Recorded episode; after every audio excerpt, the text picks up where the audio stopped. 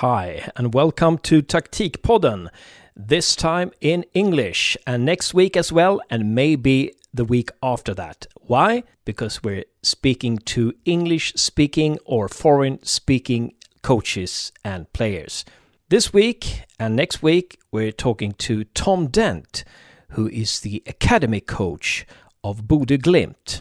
And from 2021, he will be the head coach of Stjørdals-Blink, both teams in different Norwegian leagues. Bodø Glimt, as you may know, is one of the great sensations in Europe this year.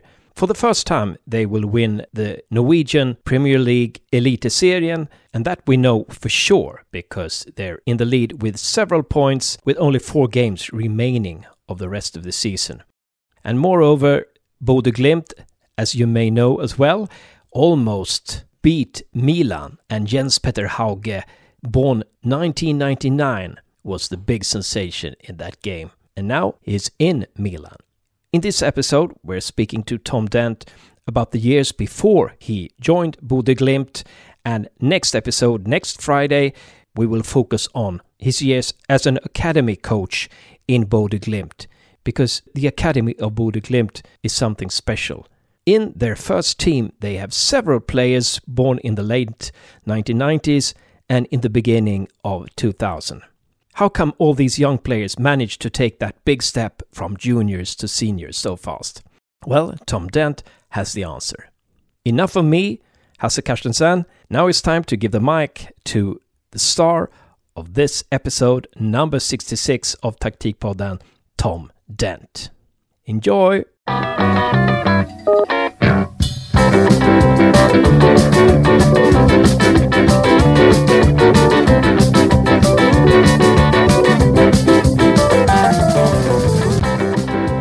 Welcome to Taktikpodden, Tom Dent. Nice to have you here. Thank you very much. Nice to be here.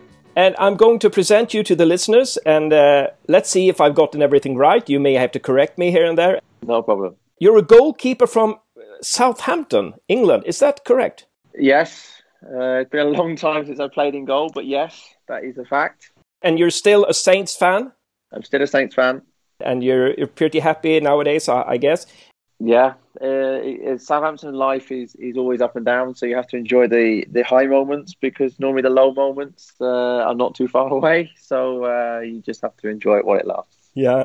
And uh, you decided at a very early age to give up a player's career and focus on coaching. And you've been living in Norway since 2013, uh, where you worked as an assistant coach in Stjørdals-Blink until the end of 2016, when you got a job as a, an academy coach for Bodø Glimt. Uh, am I correct so far? Yeah, uh, I had three years in Follo as well. So my first job in Norway was at Follo as a, like a youth coach. Uh, Follo FK played now in the fourth level of Norwegian football, but at the time they played sec. But they they yo-yo between second and third uh, level. And I had three years there as a as head of goalkeeping and as a as a youth coach. So that was my first step into Norway. And then I went to Stjørdals-Blink for one year, and then I came to Bodø Glimt after that.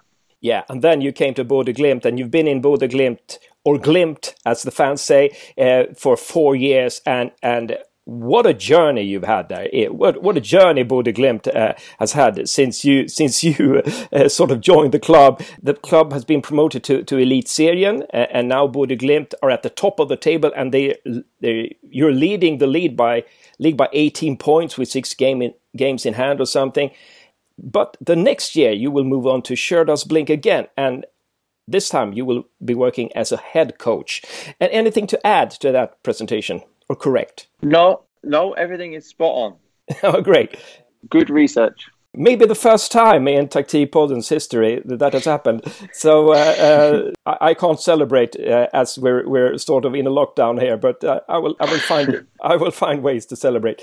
Um, okay, but the first question then, we have to start somewhere. And you decided, I heard, I listened to an interview on YouTube and where you said that you decided to become a football coach when you were 16 because you enjoyed playing football manager.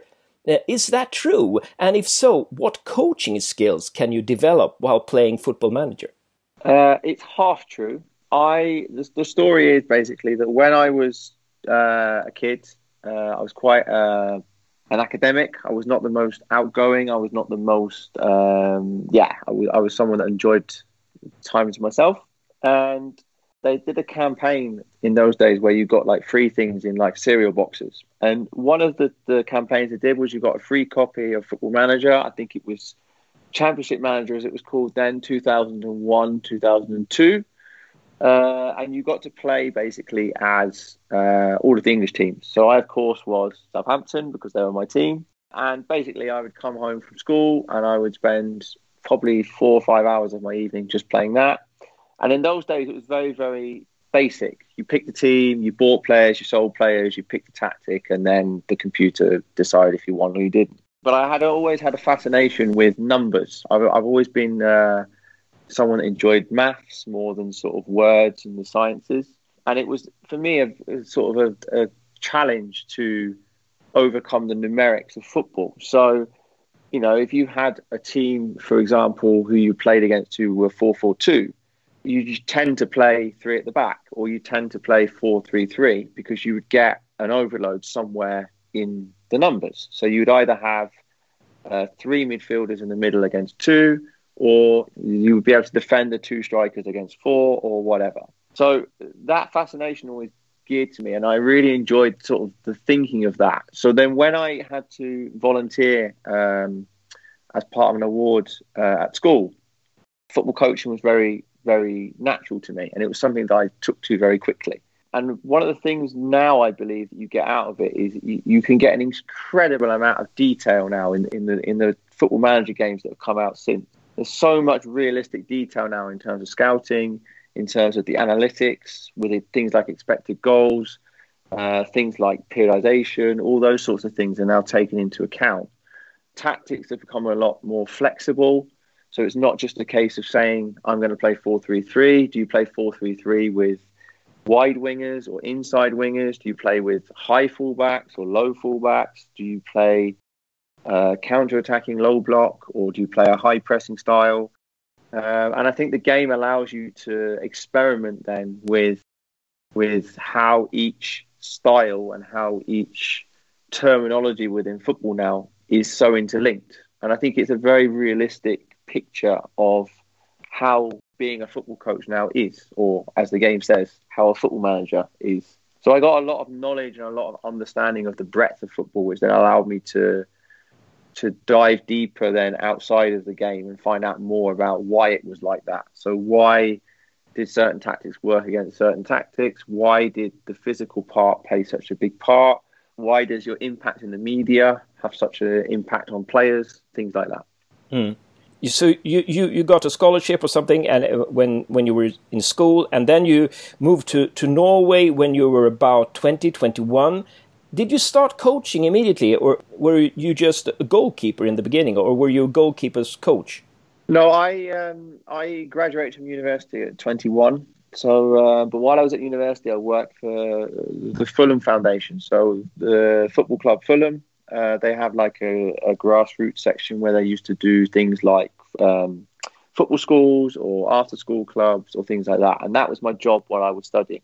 And I met a Norwegian guy from uh, Nordby, uh, just south of Oslo, uh, because his kids were on one of the football schools. And he invited me to Norway to come and see Norwegian football. As I said, I was a bit of a football nerd, so I had this big dream at 19 to start at the top of Europe in Scandinavia and basically go down the spine of Europe and see as much football as I can.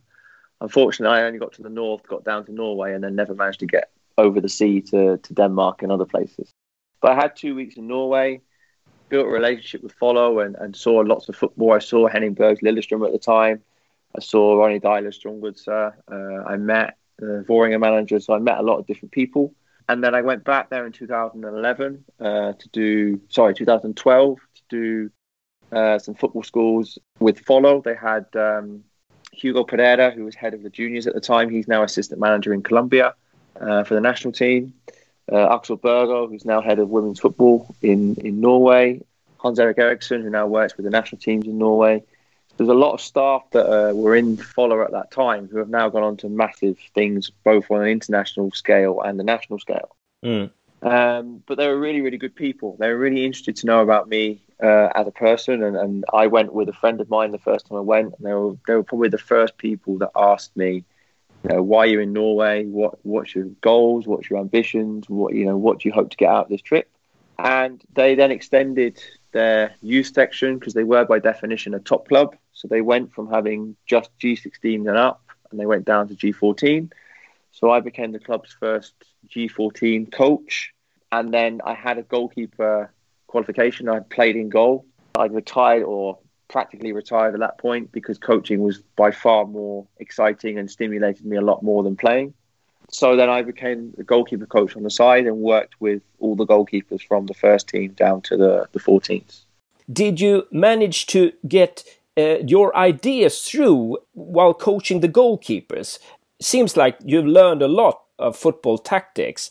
How was it to coach the goalkeepers uh, when it comes to football tactics? Did you do you, do you understand my point of view? Yeah, my, I my, understand the question. What I'm, what I, I aiming at. Yeah, yeah. I think the advantage I had was that I was never a traditional goalkeeper coach in the sense that I would stand there and kick balls and they would catch them or kick it or save it or whatever, and that was kind of it. Um, it was around about that time that the goalkeeper coaching started to take off a bit, where it became less about technique and more about effectiveness, but also decision making. Okay. So it allowed, if you take the tactical part as an example, we started talking about then how, for example, playing with two strikers is different to playing with one, or playing against, sorry, two strikers is different to playing against one, because the outcome then of the types of situations you would occur were different. Because it was quite natural that if you played with two strikers, it would either be a more direct team where they would play up long, which then means there'd be a lot of second balls or a lot of um, balls from outside the box, and you have to make quick decisions whether to go for it or to retreat or things like that. Or there'd be crossing situations where because they'd want numbers in the box. So again, the position you take in goal in relation to the cross, the decision you'd make as the ball was in the air. Would you go for it? Would you not go for it? What would your position then go to be? That sort of thing. Mm. So I think it, it wasn't a case of taking the tactical side and taking it directly in, but what it was about was opening the goalkeeper's mind to situations and giving them the tools then to to solve those situations the best they can. And I think that was something I developed a lot in the time and the role I had. And it also allows you then to give a different perspective on football to the goalkeepers. We had a we had a video meeting uh, every Monday after a game with the with the first team keepers, and we'd always talk through situations, not necessarily about what they did or didn't do, but just general situations. So the ball's out wide. Where would you want your defenders? Where would you like to position yourself? What are you thinking if you get the ball? Like where, which areas are you looking to counter? Mm. Uh, would you counter? Would you keep on to the ball at that point? Maybe it was 70 minutes played, we were leading 1 0, but we were feeling the pressure a little bit, and the other team was starting to come back into the game. So I think the, the, the, the tactical side opened up a different perspective, which then grew into different things um, from a decision making point of view, but also the a game understanding point of view. It sounds like when you were working with the goalkeepers that you you weren't just working with the goalkeepers because you also sort of connected the the defenders or the midfielders or, or the strikers into the whole whole equation. Because if the goalkeeper is thinking about he, he has a certain way of thinking about uh, counter attacking then the, the the defenders or the other players um, they have to so, sort of know what the goalkeeper is doing. I, I, believe that they they have to have a dialogue. Uh, it sounds like when you're coaching goalkeepers, it doesn't involve just the goalkeepers; it it involves the whole team. No, that's fair, and I think uh, I can't say in 2013 when I started that role that's how it was because I didn't know that at the time. It was more of a natural evolution as I understood football more and understood the role more, uh, how it could be developed to connect everyone together. Mm. Um, and I think that is now how football coaching has, has gone, where you see goalkeepers joining a lot more of the possession practices.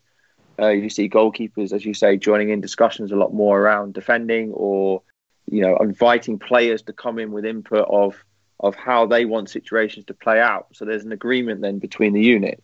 Now, that was something that, again, through working as an outfield coach, where you are responsible then for a group rather than an individual, as goalkeeper coaching was earlier, it was natural then for my thought processes to always then be around the group and to make sure then that everyone was, as you say, included in the phases that occurred so that everyone then understood what everyone was trying to do. And I think that my time in Follo, we, we, we were relegated in 2013, we were promoted in 2014, and we were relegated again in 2015. So I can't say it was a, I did it perhaps the best I wanted it to be, but I got a lot of learning because I reflected a lot from those experiences and from that time. Uh, we had a Swedish keeper, actually, Jonathan Rasheed, who's now in Häcken. I think there's a number two. He's played a few games. Uh, but he was probably the first keeper I had where I, we probably had a system in inverted commas with how we saw the game and how we interacted with each other, being the goalkeepers union, as everyone calls it, and the rest of the team. Being a goalkeeper, being a former goalkeeper, do you think that you sort of developed a speciality that other coaches um, haven't? I think, yeah, I, I, don't think I've. I think, as I said, I had a, a different entrance into being a goalkeeper coach because I'd predominantly been an outfield coach, but I'd been a goalkeeper by trade. So I could see both sides of the argument because as a goalkeeper, I was used to being, you know, you'd go, you'd be sent off to the other end of the pitch with you, the other goalkeeper, and a goalkeeper coach. Someone would kick balls at you for a bit, and then there'd be a loud shout of saying, "Come on, we're playing the games, hurry up!" No matter where we were in the session, and then we'd go and play games, and then no one could understood why I was doing what I was doing. As much as I, I you know, I'm as guilty as anyone still doing those things where the goalkeepers went the other end of the pitch and we started to do things. We did a lot of stuff where there were decisions involved. Do I come? Do I stay? Do I hold or do I save? Do I use my feet or do I use my hands?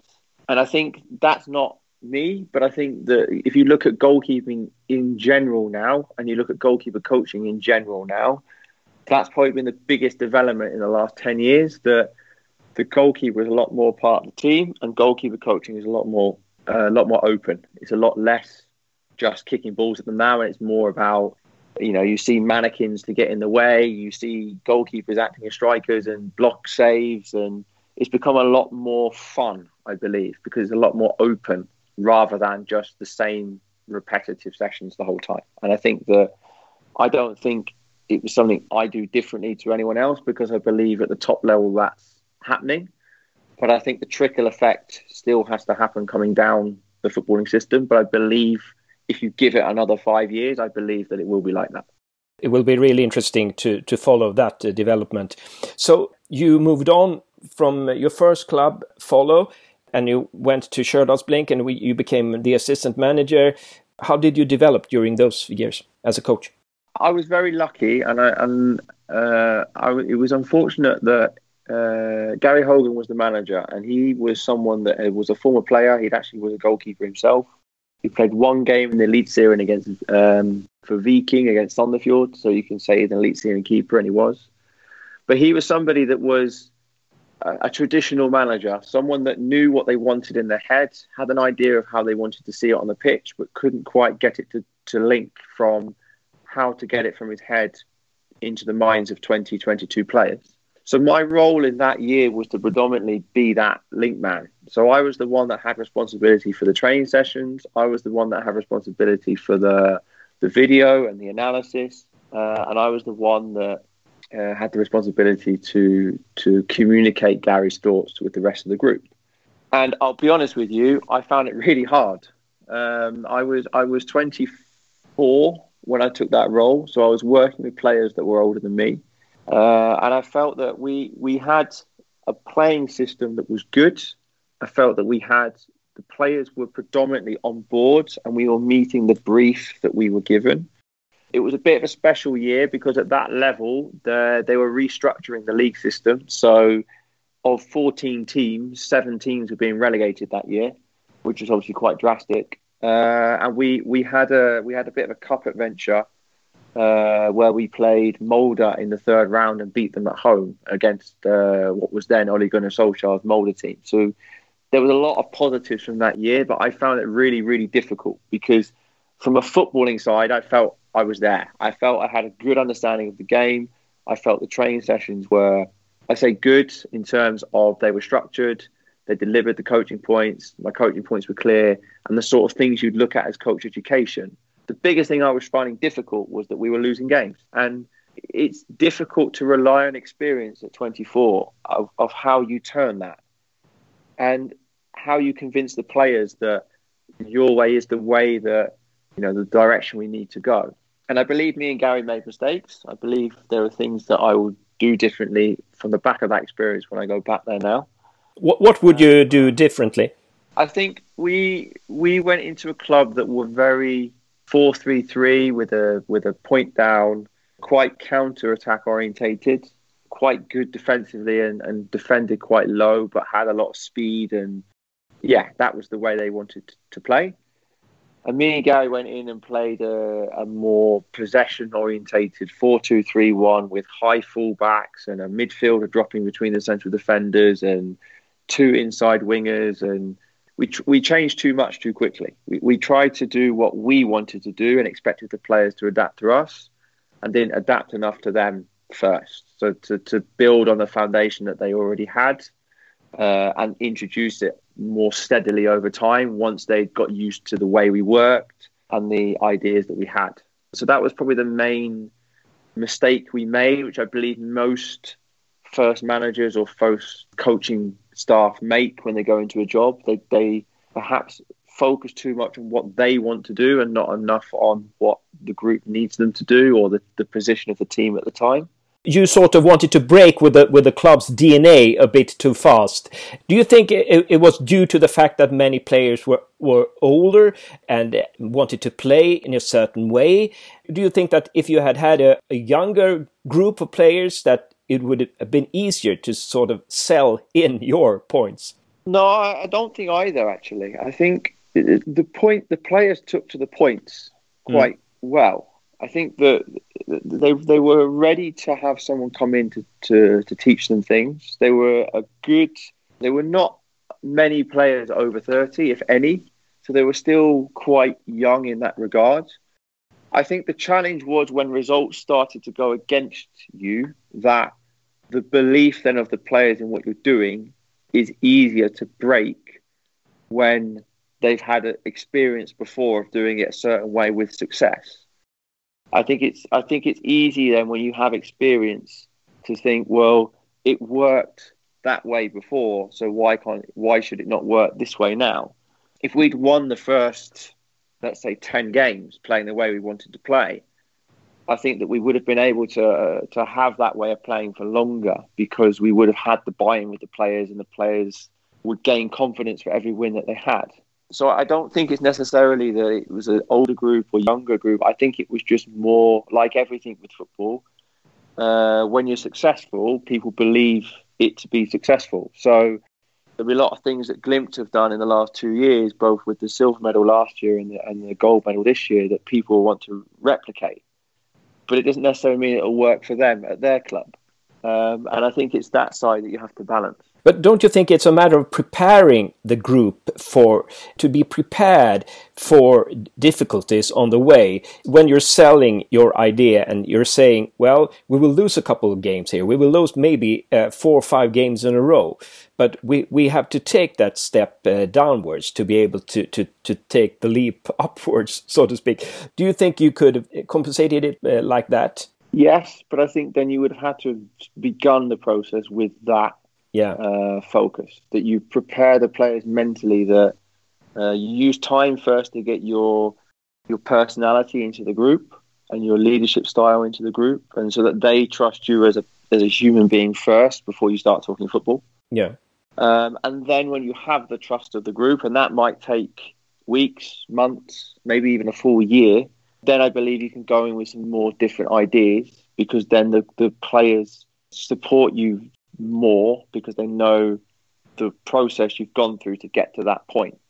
I think the challenge we had is we tried to put in our footballing ideas from day one before we built a relationship with the players. So it was just information without any perhaps feeling or emotion or perspective behind why those ideas in our head were the right way of doing things. Okay. And I think if you I think if you use time to to do that along the way, I think again you would have increased even more than the amount of change that would have occurred at one time. I see. So it became maybe too technical. Yeah. Yeah, and not practical then. But what I find very interesting when you're talking about your time in Blink is that you were sort of the the the, the, the head coach had a vision. Uh, but and your job was to take that vision and sort of put it into words and, and present it to the players that was must have been a really tricky position. We had a lot of conversations uh, before the season. We, before we took over the job, we took over the job in December 2015. So a lot of time over Christmas and the beginning of January was a lot of discussions about how do we want the team to play. We had we had very similar playing principles in terms of being possession orientated uh, and trying to build up from the back and, and things like that. The challenge was, as we say, how to translate it onto the pitch.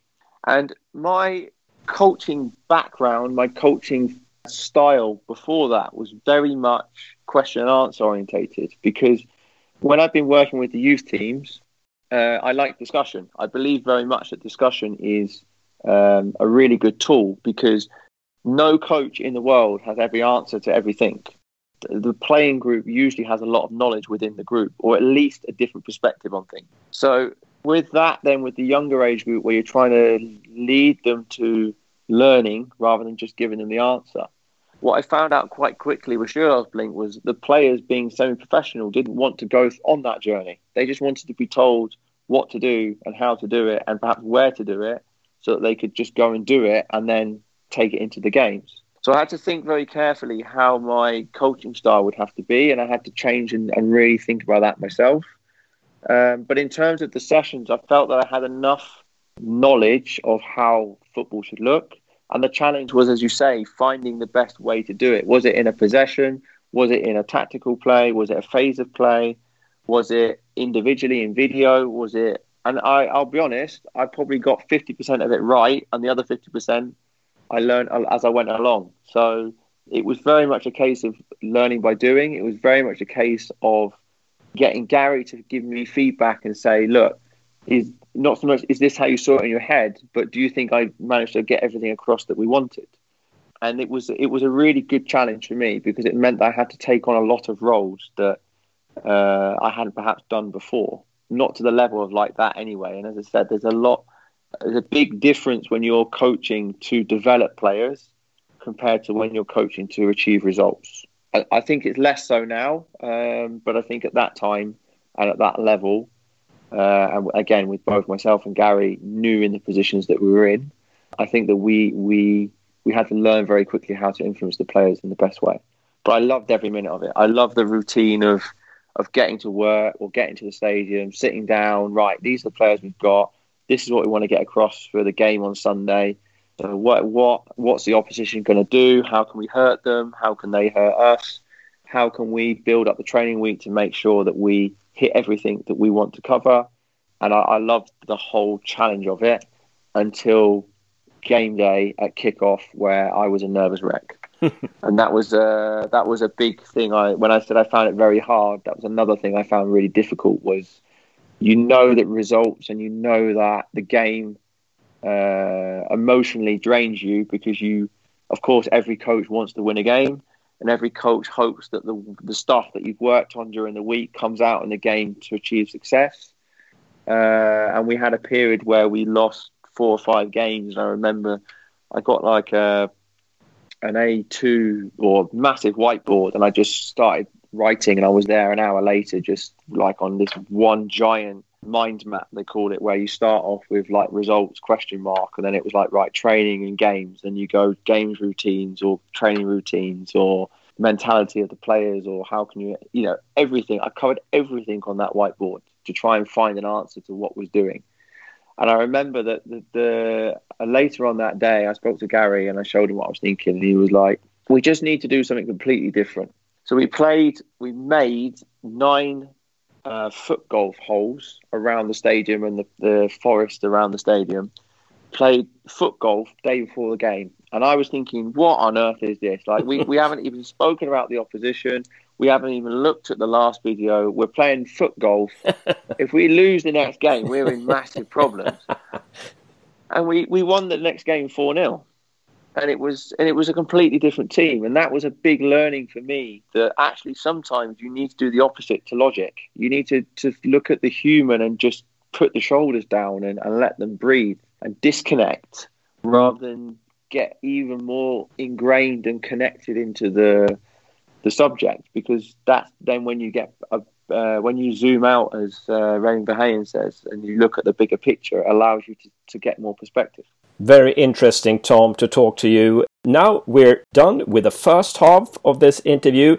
In the next interview, uh, next week, we will talk about your years in Bodø Glimt, what you learned there, and talk about Bodø Glimt as a club as well. What's the key to that club's success? Very nice talking to you, Tom. See you next week. Thank you very much.